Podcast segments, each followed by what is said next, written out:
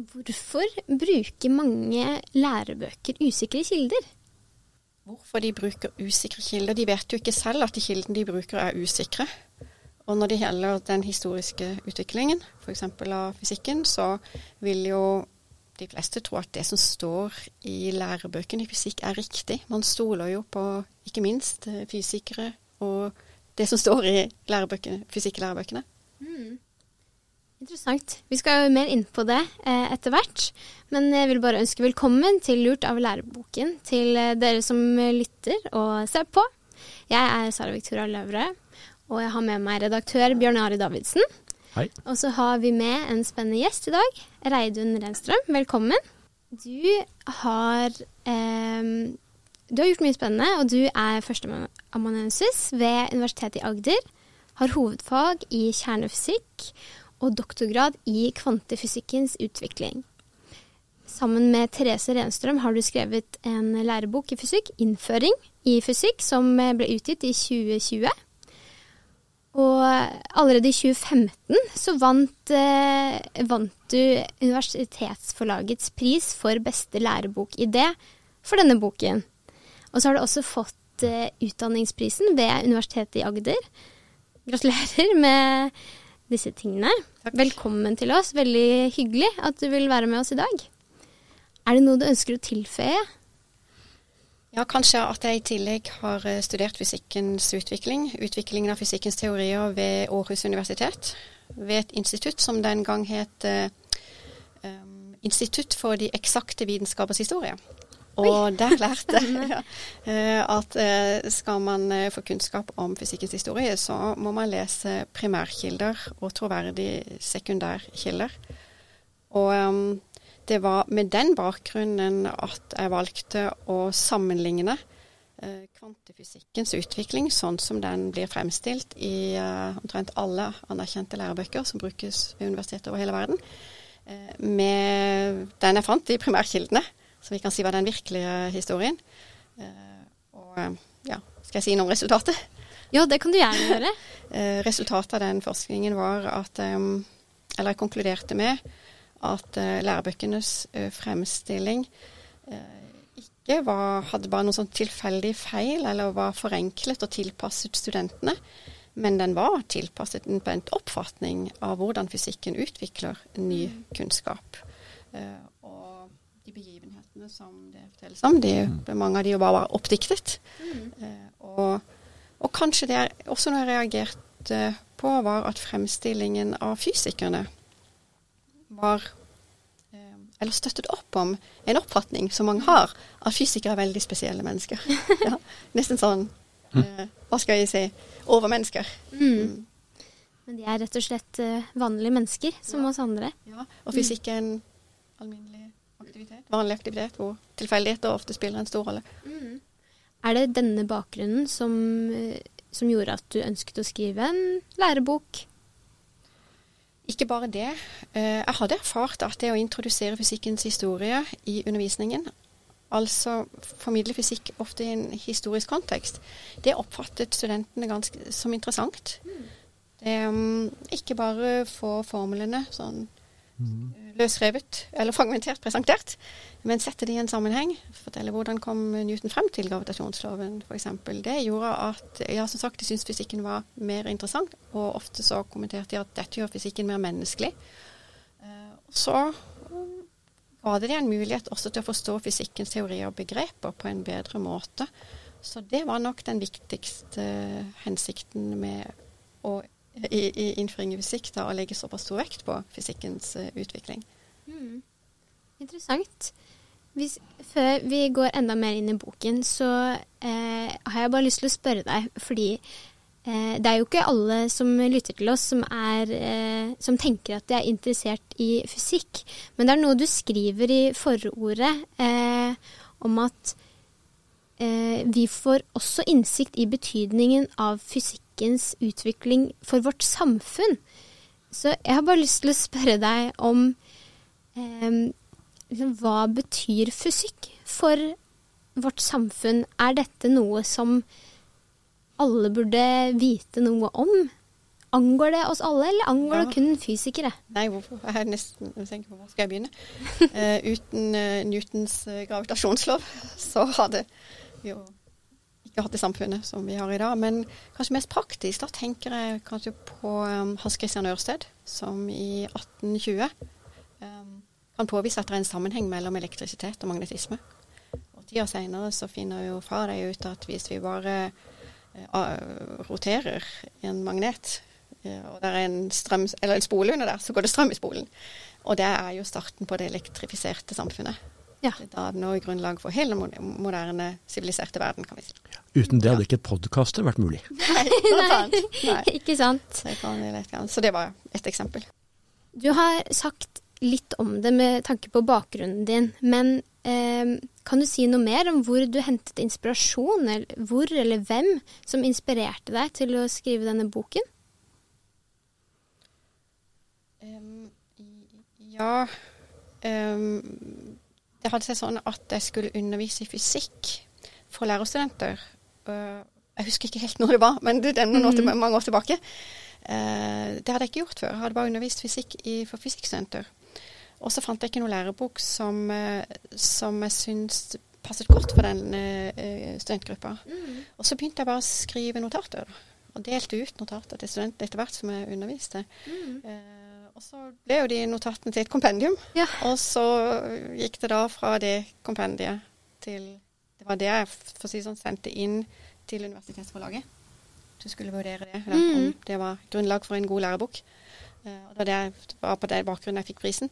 Eh, og så gikk jeg i gang med å skrive en lærebok i fysikk, men den ble jo mye mer omfattende enn jeg hadde tenkt. Mm. For jeg hadde ikke tenkt å ta med meg alle temaene i fysikken. Mm. Ja, for Det her er, eh, bare for å si det, dette her er fra liksom hvor begynner denne historien, og hvor langt Det er liksom he hele spennet. Ja, og så er det jo først og fremst en lærebok i fysikk, Mm. ikke en lærebok i fysikkens historie. Mm. Jeg prøver jo å integrere eh, fysikkens Mm. historie i, da, i eh, Eller, ja i, i, den fysikkfaglige formidlingen. Mm. Ja. Jeg eh, vil gjerne gå litt inn på dette her med eh, fysikk og fysikkens historie. Eh, og dette er noe som eh, universitetsforlaget skriver når de skriver om boken, at eh, universets historie er et mysterium, men det er teoriens historie også. I denne læreboken får du ikke bare en drivende innføring i grunnleggende fysikk, du får også lære om teorienes historie og utvikling. De historiske beretningene er en integrert del av den fysikkfaglige fremstillingen. Kan du si litt mer om det? Ikke minst hva var motivasjonen? Mm. Det forteller nesten ingen.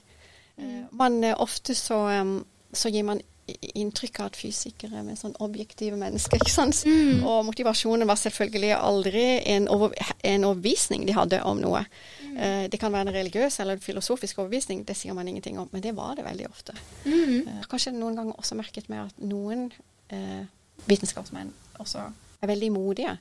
Og med det mener jeg at du er veldig modig når du foreslår en ny teori uten at den etablerte teorien har vist noen svakheter.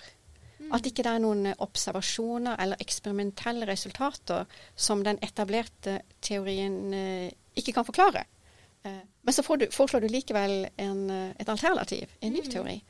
Og to eksempler på det er jo da Copernicus' heliosentriske verdensbilde og, og Einsteins uh, fotonteori for lys. Men når det gjaldt um, Copernicus, så kan du jo si at altså på begynnelsen av 1500-tallet så var det ingenting som tyder på at det var et nytt verdensbilde mm, underveis. Mm. Nei. Um, fordi, nettopp fordi at det geosentriske verdensbildet som man hadde, ikke hadde vist noen svakheter. Det var ingen observasjoner det ikke kunne forklare. Altså det var ingen eh, bevegelser på himmelen, ingen eh, observasjoner av eh, solas bevegelse, av planetens bevegelse eller månens bevegelse som det geosentriske verdensbildet ikke kunne forklare. Så man kan si at man har ikke behov for et nytt verdensbilde.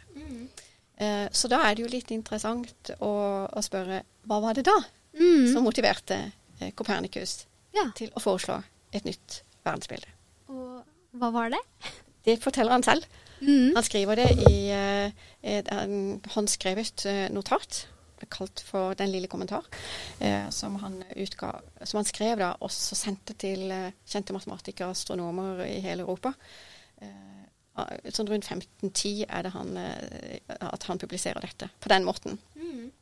Der skriver han at Ptolemaios, Ptolemaios planetteori Ptolemaios planetteori det var um, matemat en matematisk modell uh, som kunne beskrive alle himmellegenes bevegelser, daglige bevegelser over himmelen, mm. uh, ut fra et geosentrisk verdensbilde. Vi kunne si de som sett fra jorda. Da. Mm. Mm. Så skrev han ja, Ptolemaios planetteori uh, stemmer med de observerte data, men et system av den art forekom meg verken å være tilstrekkelig absolutt eller nok tiltrekkende for tanken. Etter at jeg ble klar over disse mangler, overveide jeg ofte om det kanskje kunne finnes et mer fornuftig arrangement av sirkler, der allting vil bevege seg jevnt omkring det egentlige sentrum, slik regelen krever. Og et annet sted så skriver han at um, Altså med, det å bryte den regelen, det er ikke bare en skjønnhetsfeil, men det er et forræderi av den jevne sirkelbevegelse. Så det er motivasjonen eh, til Kopernikus. Så da må vi jo spørre hva var den regelen for noe? Mm. Som han oppfatter det er, så, eh, det er så alvorlig at den regelen blir brutt, at han selv vil foreslå et helt nytt verdensbilde. Mm. Han ser nesten på sirkelbevegelsen som noe hellig, da. Ja, og det har han jo ikke fra seg selv. Det er jo Vi må langt tida tilbake, da. Til uh, antikkens uh, Hellas. Hvor um, etter at disse naturfilosofene hadde forkastet mytologien som forklaringsmodell på alle naturfenomenene Altså ifølge mytologien så kan man jo Så er jo alle naturfenomener et resultat av guders skal vi si viljestyrte handlinger. Mm.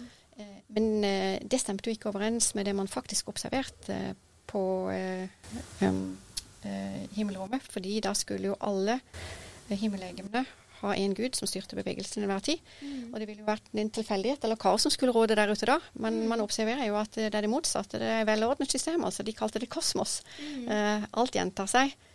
Ingenting ja, For det første så synes alt å være evig og foranderlig. Mm. Oppstår ikke noe nytt der. og mm. Ingenting forgår. og Alle uh, bevegelsene, solas bevegelse over um, ja, bevegelse den gjentar seg etter 365 dager. Mm. Månens bevegelse gjentar seg etter 27 dager osv. så Uh, og det førte jo til at man erstattet troen på um, viljestyrte handlinger, altså guders viljestyrte handlinger, da, som forklaring på naturfenomen, med en idé om at uh, naturen følger sine egne lover. Mm. Og da var det jo viktig å finne ut hvilke lover og regler er dette sånn at vi kan bruke dem til å forklare naturfenomenet. Mm. Det er kanskje greit å understreke at dette ikke var en slags ateistisk tanke. De tenkte Nei. på en guddommelighet bak det hele også. Ja, jeg skulle akkurat si det nå. Ja. ja. Fordi at um, um, Pythagoras um, han er den første som, som foreslår et heliosentrisk verdensbilde. Og det er fordi at han mener Han er overbevist om at skaperen, eller Gud som skapte verden, gjorde det ut fra matematiske lover og regler. Mm. Så når vi skal lete etter naturlovene, eller lovene og reglene som styrer naturen, så må vi lete i matematikkens verden, som han sier. Så han eh, har altså en forestilling om at matematikken var først, og så kom verden. Eh, verden er et resultat av matematiske lover og regler. Mm. Og da skriver han at eh, de eneste geometriske formene som kan gjenspeile den orden vi ser i verdensrommet, det er kuler og sirkler. Eh, så han skriver omkring 530 før Kristus at jorda eh, er ikke flat som en skive, men rundt som en kule. Og det er mm. alle himmellegemene. Mm. Men han utvider det også til å gjelde hele universet. Så han sier at hele universet er kuleformet. Så ytterst der da det som omringer skal vi si, universet, eller omkranser det, mm. er et kuldeskall hvor han fester stjernene. Eh, men eh, hvis universet har kuleform, så har det jo også et sentrum. Og spørsmålet ble da hvilke av himmellegemene har plass i sentrum, da? Mm. Eh, så er det jo da at sirkelen, den eneste bevegelsen, kan gjenspeile den Ja, hva skal vi si? Um, disse periodetidene, at alt gjentar seg, kan man si det sånn, ja, det er sirkelen. Så han setter alle eh, himmellegemene da i sirkelbevegelse rundt jorda. Um, og eh, i omkring 350 før Kristus så skriver Aristoteles i den kjente boka om himmelen at, eh, at det, um, det at jorda har kuleform, det kan han jo bevise. Både empirisk og teoretisk. Mm. Empirisk, eller det kan vi jo alle se, for vi måneformørkelse. Eh, så det, altså den skyggen som oppstår på måneskive, månens skive ved måneformørkelse, når månen blir inn i skyggen av jorda, Mm -hmm. er, den er konkav. Den er ikke flat som en skive. mm.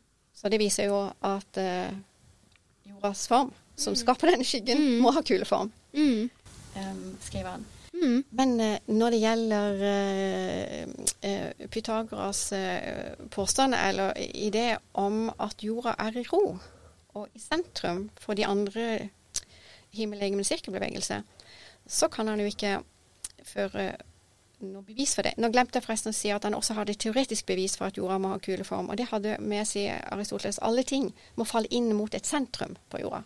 Mm. Det var den ene. Og så tilbake til da, Mm. det med jorda i ro. Og da er det interessant at de argumentene som eh, Aristoteles her kommer med, det er de man kjemper imot, og som Galileo, uh, Galilei senere kjempet imot. Fordi uh, Aristoteles forklarer nå, eh, eller bruker bevegelser vi erfarer på jorda, til å begrunne at jorda må være i ro. Mm. Og et par av de er ganske gode, syns jeg. Han sier at hvis jorda hadde vært i bevegelse, hvis, altså motsatt, hvis jorda hadde vært i bevegelse, Mm. så ville en stein vi kastet opp. Ikke landet i hendene våre igjen. Mm. For vi som sto på bakken, vi ville jo ha flyttet oss Mm. langt av gårde, mens steinen beveget seg opp eh, og ned. Og så sier han at eh, jorda har jo en måne som sirkulerer rundt seg Mm. selv. Ja. Hvordan skulle månen klare å føle med jorda hvis den Mm. fora går i stor fart? Mm. Og for min del syns jeg de argumentene er så gode at jeg hadde akseptert de med en gang og sagt at jorda, jo, jorda må nok være i ro. Mm. Ja, men det aller beste argumentet har han fra astronomene, som sier at eh, vi observerer ikke noe som i ettertid blir kalt for, for stjerneparallakse. Altså, vi observerer ikke eh, at um, siktelinjen til en stjerne varierer i løpet av året. Altså hvis jorda bevegde seg rundt sola. Iallfall alternativet til at jorda skulle være i sentrum, det var da sola. Ja. Vi, når, hvis jorda beveger seg eh, rundt sola, så vil jo siktelinjen til en stjerne variere i løpet av året. Mm. Så vi la en vinkel med dem. Men det forteller de at det observerer vi ikke. Mm. Likevel var altså Copernicus modig. Jeg tenker at Det er litt morsomt at det du nå legger vekt på, er at han var modig fordi han utfordret til en teori uten problemer. I, lære, I læremidlene, som eh, de vanlige i hvert fall, så er det nesten det motsatte. At han er modig fordi at han utfordrer en eh, teori som alle egentlig skjønner er feil, men som Kirken Ja. tviholder på Ja. at det er riktig. Og han Ja. er da livredd for Eh. Kirkens straff ved å hevde disse teoriene. Eller den nye teorien. Ja, for at eh, det er jo helt opplagt at den enkle modellen som Pythagoras foreslår, den kan ikke være riktig. For hvis eh, planeten gikk i sirkelbane rundt eh, jorda, så ville jo lysstyrken vært den samme hele tiden, men den er ikke. Det er den ikke. Så det er her eh, den store matematikeren Ptolemaios kommer inn i bildet. På 150 år etter Kristus så mestrer han eh, å lage en geometrisk modell. Han bruker bare sirkler, for det skal man jo. Kanskje også glemte å si at Pythagoras sier at eh, de beveger seg i en sirkelbane med jevn fart. Det er viktig. Farten til eh, himmellegemene er konstant i den sirkelbanen. Ja. Så er det altså at Ptolemaios klarer å beskrive, ut fra det geosentriske verdensbildet, bare ved å bruke sirkler, um, beskrive da alle, eller bevegelsen til eh, himmellegemene helt perfekt. Um, Han gjør det uh, på en sånn måte at han lar planetene gå i en sirkelbane, hvis sentrum også går i en sirkelbane. Det? Altså du har en sirkelbevegelse, et legeme som går i en sirkel, men så flytter sentrumet seg også i en sirkelbevegelse.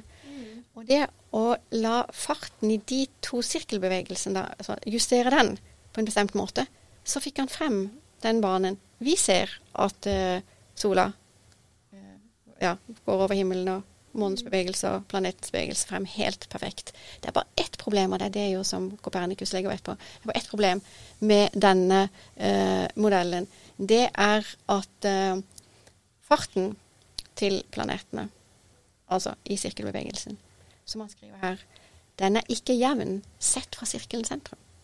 Det skulle den jo være.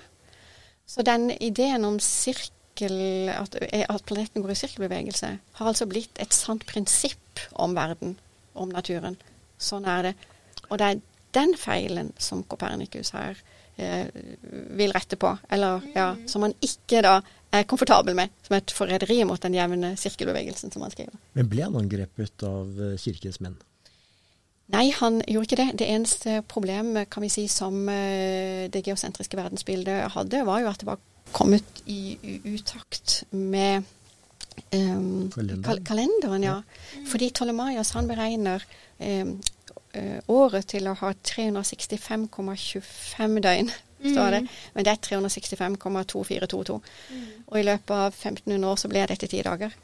Så uh, når det sto um, det står 11. mars på kalenderen når sola står opp rett i øst, altså når det var vår hjemdøgn. Det står ikke 21. mars og kirken som skulle feire påske etter et spesielt uh, Ja, det skulle iallfall først være for, uh, vår hjemdøgn. Mm. Ja.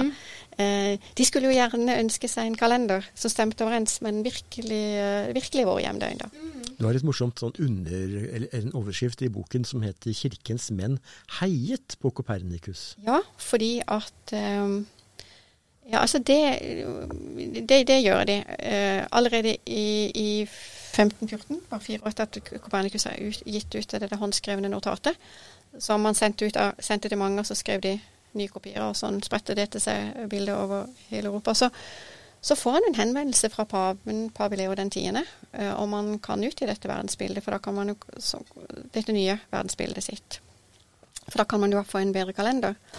Um, og i forordet til uh, det store verket om himmelsverdens rotasjoner som kom i 1543, så skriver eh, Så tar, mener jeg, eh, Kopernikus med et brev som han har fått av eh, kardinal Schönberg i 1536, hvor han skriver skal jeg, skal jeg sitere det? Mm. Jeg har innsett at de alene forstår dem utmerket på de gamle matematikernes oppdagelse, men i tillegg har stillet opp en ny teori for universet. For så vidt som de lærer at jorden beveger seg, at solen inntar den sentrale plass i universet, at stjernehimmelen er ubevegelig. De skal på den mest beundringsverdige måte ha utarbeidet notater om hele dette astronomiske systemet, og ut fra beregningene utledet planetbevegelser i tabeller. Derfor, høylærede herrer, ta det ikke ille opp at jeg meget inntrengende ber dem om å gjøre vi som beundrer dem, delaktig i denne oppdagelsen. Og så skriver han også min hengivende venn biskop Tidemann Gise har i sannhet mange ganger oppmuntret meg, og under tiden ytterligere bebreidet, i bebreidede vendinger krevet at jeg skulle utgi denne boken, og um, tillate at den omsider kom frem i lyset. Og det at um, uh, Kopernikus um, har jo teorien sin ferdig nærmest i 1514 eller 1510, ja, 15, i den tiden. Men så kommer ikke boken før i 1543. Selv om kirken prøvde å presse han? ja, nærmest oppmuntra de. Men eh, for det her er jo, som du har trukket frem, Bjørn Are, at uh, en del læremidler sier jo nesten det motsatte. At uh, Copernicus ikke ga ut fordi at han var redd. Ja. Uh, men så sier du her at uh, når går, man går til de originale kildene, så får ja. man et, et, helt annet og faktisk et ja. motsatt bilde. Ja. Ja. Det er jo ganske sjokkerende. Ja, igjen er det altså at man har bare tilpasset den historien. Man, man, man, har omskrevet den, så at den skal passe til den fortellingen. da, At det er et konfliktfylt forhold mellom naturvitenskap og teologi. Det at det ble akkurat i uh, 1543 er jo en tilfeldighet, på en måte. Uh, fordi det ble jo um, Det er først når han får besøk av en ung tysk student, Retikus, 25 år gammel, som kommer på, besøk av han. Det er en student som gjerne vil hilse på arkitekten til det nye verdensbildet. Mm -hmm. Det nye verdensbildet til Copernicus, som altså har sola i sentrum. Uh, og uh, jorda i bevegelse rundt. At det blir liksom litt fart i saken. Jeg tror den unge studenten skjønner at uh, den litt eldre mannen nå, nærmer seg 70 år, nok aldri får samlet disse notatene og får sendt dem til et forlag. Mm. Så han hjelper han med dette fra 1539 og uh, først i 1542 så er det et forlag, Petrus, som er villig til å trykke dette mm. eh, manuset. Altså trykke det til å bli, å bli en bok. Eh, så det å si at han ventet med å utgi det til han hvis han snart skulle dø, da man hadde planlagt det da i fire år, eventuelt. Ja. Mm. så det var litt tilfeldig at det kom eh, på den måten i 1543. Han skriver også i det forordet at han eh, at han noen ganger tenkte på om han skulle utgi det sånn skriftlig, eller om han skulle heller gjøre som pythagoreeren, bare la det være en sånn muntlig eh, levering. At man bare fortalte det til hverandre. Men så er det altså dette presset. Eller den oppmuntringen. Han kan ikke skuffe disse, verken sin venn Gise eller kardinal Schönberg. eller sånt, så han eh, innser at han må utgi det, da. Og det i, i en bok. Som ble en av fysikkens aller viktigste bøker. Det ble jo begynnelsen på den, det vi kaller for uh, den naturvitenskapelige revolusjonen i mm. uh, renessansen. Og så sier du at ja, men det ble jo en konflikt en gang mellom Galilei og kirken. Og det er jo helt riktig. Etter Altså, det som skiller Galileo eh, fra Copernicus, det er jo at um, Galilei han, han, han, hamrer løs, kan vi si det, på mm. det aristoteliske verdensbildet. Når jeg sier det aristoteliske verdensbildet, så er det det, um, så er det, det geosentriske verdensbildet uh, og Aristoteles bevegelseslære. Og de stemte overens med hverandre. Mm. Og Galileo, hans mål er å ikke minst vise Aristot at Aristoteles bevegelseslære er feil. Mm. Uh, og faller det i grus, altså, så går det geosentriske verdensbildet med i dragsuget. Mm. ja, så um, Men jeg vet ikke hvor, hvor vi skal begynne henne. Han um, Han starter jo med å bruke eh, kikkerten til å studere himmelrommet. Og mange mener jo at han der fant bevis for at det kopernikanske verdensbildet var riktig. Uh, det gjorde han ikke. Mm, veldig, det er, dette er i 1609 at mm. han demonstrerer denne kikkerten. Han bruker den til å observere himmelrommet da, i vinteren 1609-1610. Og så oppdager han noe nytt på, på himmelen da. også, også noe Han oppdager jo at Jupiter har måner. Og et av argumentene mot at jorda kunne være i bevegelse, var at det har en måne som går rundt. Men han ser jo at Jupiter har også måner. Og Jupiter farer jo av gårde i stor fart. Og det, for, og det, starter jo med at han blir eh, hva skal vi si, han blir beundret av eh, paven i Roma. Mm. Reiser dit og demonstrerer kikkerten da vi 1611. Men, 16, men, så er det jo en del uh, av hans kolleger, professorer ved universitetene, og noen få prester, som, som gjerne vil altså ha Galileo ned fra scenen. Mm. Uh, ikke, la, ikke tillat han å stå og fortelle at det, de professorene underviser til daglig. De underviser i det geosentriske verdensbildet. De underviser i den aristoteliske bevegelseslæren. Mm. Det er jo ikke kjekt å ha en kollega som sier at det der er bare tull. Mm. ja, uh, så de ønsker Galileo blir uh, oppmerksom på at som han skriver for et brev hvor en venn skriver at det er noen som ønsker å få noe på deg. Mm. For å få deg bort, da. For, for, å stoppe deg, liksom, i denne ja, Altså eh, Ikke tillate han å si at det geosentriske verdensbildet er feil, og Aristoteles verdensbilde er feil. Og heldigvis, altså, så kommer det eh, for inkvisisjonen i Det blir sendt som et spørsmål da til inkvisisjonen. Stemmer det kopernikanske verdensbildet overens med det som står i Bibelen?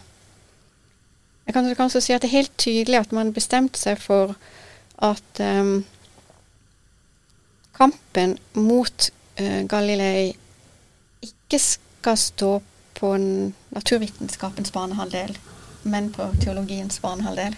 Mm. Så man, opp, man oppmuntrer noen prester nok til å og si at uh, dette stemmer ikke med det som står i Bibelen. Ja, Så var det det da i 1616 at inkvisisjonen da kommer frem til at det ikke skal være lov til å si at Copernicus' verdensbilde er riktig, og at uh, uh, det geosentriske verdensbildet er feil. Men det stopper jo for så vidt ikke, stoppet jo ikke Galilei for fortsatt å, å hevde at um, Eller diskutere det. Diskutere det, ikke sant? Uten å si at det ene er riktig og det andre er feil. Så Det er jo den boka der han skriver i 1632, dialogen om de to viktigste verdenssystemer. Han gjør det litterære grepet. Skriver det som en dialog mellom tre personer. Det som jeg, jeg slår meg her, er jo at disse da professorene Jeg håper ikke det er for mange forelesere som nå føler at du tar og rokker ved deres undervisning. Det kan godt være. Men, men, men eh, det som i hvert fall er et eh, poeng her, er at eh, de kanskje forsto at den mer vitenskapelige argumentasjonen var så vanskelig å føre og få gjennomslag for, at de isteden da ville gjøre det på en måte som kunne ta Galilei på en enklere måte.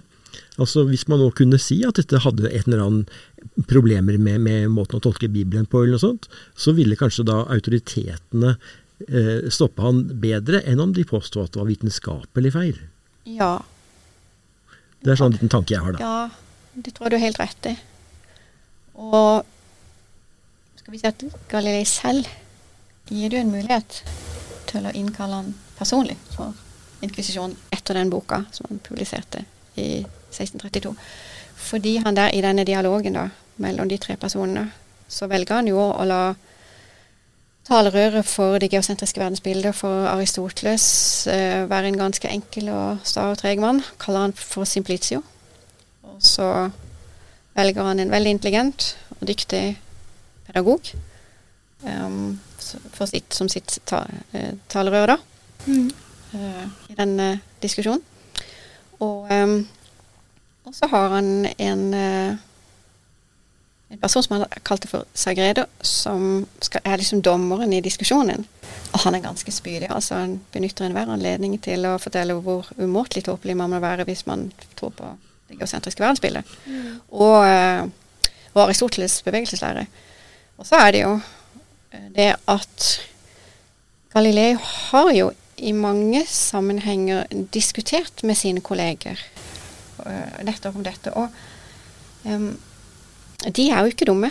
Mm. Og de hadde mange gode argumenter mm. mot uh, Galilei. Og et av de viktigste argumentene er fortsatt at hvis du kaster noe rett opp, hvordan i all verden, hvis jorda da for, for, kaster noe rett opp, hvordan kan du stå på samme sted og ta det imot igjen hvis jorda beveger seg? Mm. Mens kula eller steinen er i, i lufta det er jo igjen det punktet som, eh, som, er det springende punktet, som er vanskelig for han uh, å forklare.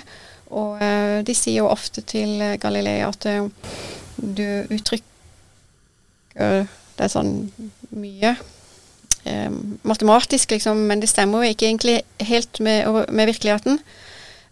så bare si også at man gir ofte et inntrykk av at, at hans motstandere, eller aristotelikerne, at de bare sitter og leser i bøkene og aldri gjør noen eksperimenter. Men det er at mm. liksom Galileus som gjør eksperimentene og observasjonene. Men sannheten er jo nesten motsatt. Mm. ja, de, eh, men da eh, tilbake til det som, som, eh, som da eh, skjer her, når han fremstiller eh, tilhengeren som sagt av det geosentriske verdensbildet som tåpelig, så tar han jo også med f.eks. paven, pave Ubaran den eh, åttende, som har støttet Galileo hele mm. tiden. Mm. Så han fornærmer jo forfengelige personer, det bør man ikke mm. gjøre. Det har en mm. tendens til å uh, ja, Han høres litt sånn eh, kranglete ut. Han, eller i hvert fall ikke så konfliktsky. Nei. Nei. Han Det, det, um, det var ikke Ja. Det er også et poeng at noen av hans argumenter er opplagt feil. Sånn som at tidevannet ja. skal vise at jorden beveger seg. Og det skjønner jo de som eh, både paven og andre at dette stemmer jo ikke. Og, og, som du var inne på også, at observasjoner viser jo fordi at man hadde denne troen på sirkelbevegelsen. Mm. Og den holdt jo Galilei fast på. Ja, det mm. Men den var jo feil. Mm. Og, og en eh, hadde da allerede før denne boken 1632 vist, iallfall matematisk, at det var en annen type bevegelse mm. som passet bedre så, så Galilei gjør en del sånne ting som får han til å eh, Hans teori til ikke å, å stemme med observasjonene, og til å bruke da argumenter som beviselig er feil. Mm. Og dette sammen da med den litt sånn spydige tonen, ja. det, det, gjør at han, har en dårlig case, altså. Ja, jeg kan jo altså, kanskje sitere hva, han, hva, det står Han skriver i den eh, boka Eh, Jeg tenker at enhver som anser det mer fornuftig at hele universet beveger seg for at jorda skal kunne stå stille, vil være mer irrasjonell enn en som vil klatre opp på toppen av en kuppel for å se utover byen og dens innbyggere, og forlange at hele området skulle rotere om han, for at han skulle slippe å anstrenge seg med å dreie, dreie seg på hodet. ja, eh, og det ender med en rettssak i, eh, i, eh, i Roma. Han blir innkalt til inkvisisjonen, og der må jo Galilei han må avsverge eh, sin tro på at eh, jorda er i bevegelse. Han må si at jorda står stille. Men nå forteller jo også mange historien videre at han, han ble dømt til livsvarig fengsel, men han overnattet ikke et eneste døgn i det fengselet. Mm. Eh, Men eh, det er jo mange som forteller at han eh, døde i det fengselet. At han ble der livet ut. Men det er en biskop i Toskana som sier at han kan eh, huse han.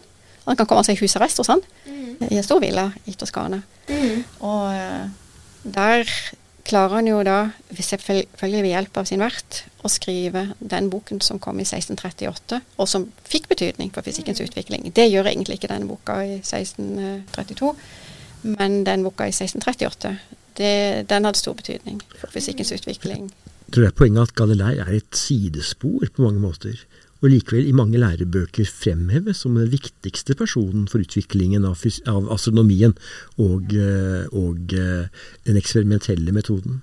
Ja, i hvert fall ikke for den eksperimentelle metoden. Men det er jo når han da i den boka 1638 som han innleder med å si at han oppdaget noe nytt eh, om bevegelser som han gjerne vil skrive om. Og det nye er jo at han nå antar at tyngdeakselerasjonen altså, er, er konstant. Mm. Da gjorde det jo mulig for han å beskrive bevegelsen til legemer som faller fritt. Mm. Eh, og så innfører han jo da noe som vi kaller for trekhetsloven, som sier at eh, for at et legeme skal endre fart i en retning, så må det bli utsatt for en kraft i den retningen. Og da kan han jo forklare at en stein eh, som vi slipper, eller kaster det opp da, Mm. faller i hendene igjen. For den har samme fart Mm. i horisontal retning som den hadde da jeg holdt den i hånda. For det er ingen krefter i horisontal retning. Eh, og så, innle- og så eh, har han også et uh, prinsipp som han kaller for uavhengighetsprinsippet, og som gjør det mulig for oss å beskrive bevegelse, sånn bevegelse som i fritt fall, som både har uh, horisontal og vertikal retning, kalles for skråttkast. Og det ble ganske viktig Mm. for, for fysikkens utvikling. Det gjorde det. Så det viktigste som kanskje Galilei, og det har han helt rett i også, er at vi kan ikke bruke bevegelser vi erfarer på jorda, til å avgjøre om jorda er i ro eller i bevegelse med konstant fart. Eh, fordi eh, eh, om jorda hadde stått stille, ja, eller om den er i bevegelse med konstant fart, så får vi, har vi de samme bevegelsene.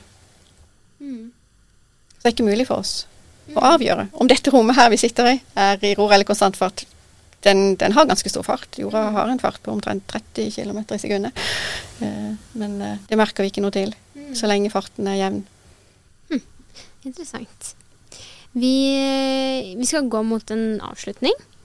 Ehm, men jeg lurer på om, eh, om det er noe du har lyst til å tilføye som du syns er viktig å, å få sagt?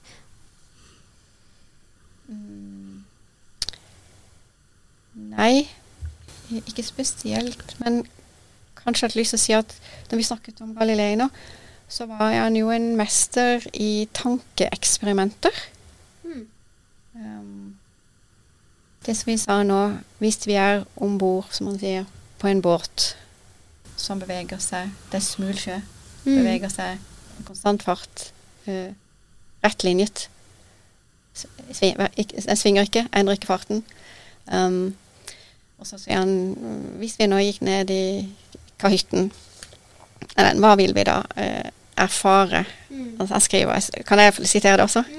Lukk deg selv inn i den største kahytten under dekk på et stort skip, og ta med deg noen fluer, sommerfugler og andre små flyvende dyr.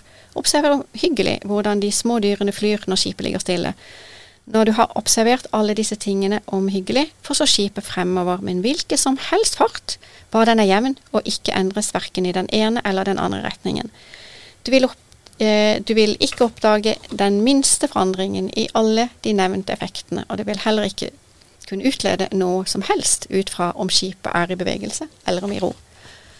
Og det er klart, vi skjønner at han mener her, du kan altså ikke gjøre noen eksperimenter som forteller deg om jorda er i ro, eller om den beveger seg med konstant fart. Det er litt spennende da å høre litt mer om dette parallakseproblemet som du nevnte. Ja. Fordi at man da fortsatt på Galileis tid og i mange tiår etter aksepterte jo ikke hans modell. Man hadde en annen modell av Tycho Brahe. Hvor, hvor eh, jorden var i sentrum, eh, men at planetene, de andre planetene gikk i bane rundt solen, som gikk rundt eh, jorden. Og observasjonene kunne ikke avgjøre hvilken av disse to modellene som var, var riktige, så vidt jeg forstår. da. Men så kom Newton. Og med Newton fikk du en helt annen matematisk måte å tenke på som jeg tror begynte å avklare denne til favør av at solen var i sentrum. Ja. Jeg tror jeg glemte å si at det problemet stjerneparallakse eh, altså man, De visste jo også den gang at det kunne jo være at eh, stjernene var så uendelig langt eh, borte. At man da ikke kunne observere en stjerneparallakse. Altså hvis jeg holder finger, en finger foran ansiktet mitt og så ser på den med ett øye av gangen, lukker et, så ser jeg at den skifter plass i, i posisjon. da Her blir det jo gardiner. Jo lenger jeg flytter den fremover, jo mindre blir jo den forandringen. Og um, Det kunne jo være en forklaring. Det visste de også. Men det var bare så usannsynlig at det skulle være så mye tomrom mellom Saturn og stjernene. Uh, og Det er først i 1838 at man har instrumenter som er så gode at man kan registrere den stjerneparallaksen. Så når Tycho Brahe i, uh, på sånn ja, 1580-tallet Ja. med sine gode instrumenter ikke kunne registrere noen stjerneparallakse, så sier han at uh, da eh, det er utenkelig at det skal være så stort tomrom. Hvorfor skulle verden så unyttig tomrom liksom, i universet? Så da konkluderer han med at jorda må være i ro. Ja, så jorda er i ro, og så går sola rundt jorda, men så går de andre planetene rundt sola. Mm. Men så det tar jo ganske langt Vi skal altså som sagt eh, på 1800-tallet Ja. før man kan eh, bruke det argumentet mot det geosentriske verdensbildet. Jo. 200 år etter Galilea. Ja, 200 år etter. Eh, Så har absolutt er godt minnet meg på det, at mot argumentet selvfølgelig at vi ikke observerer noen stjerner eh, eh, på laks, gjaldt jo også for eh, Galilei. Vi eh, må gi oss der. Eh, tusen takk at du ville være med oss i dag. Og eh, takk, Bjørn Are, for gode kommentarer og innspill. Takk til dere som har lyttet til Lurt av å lære boken.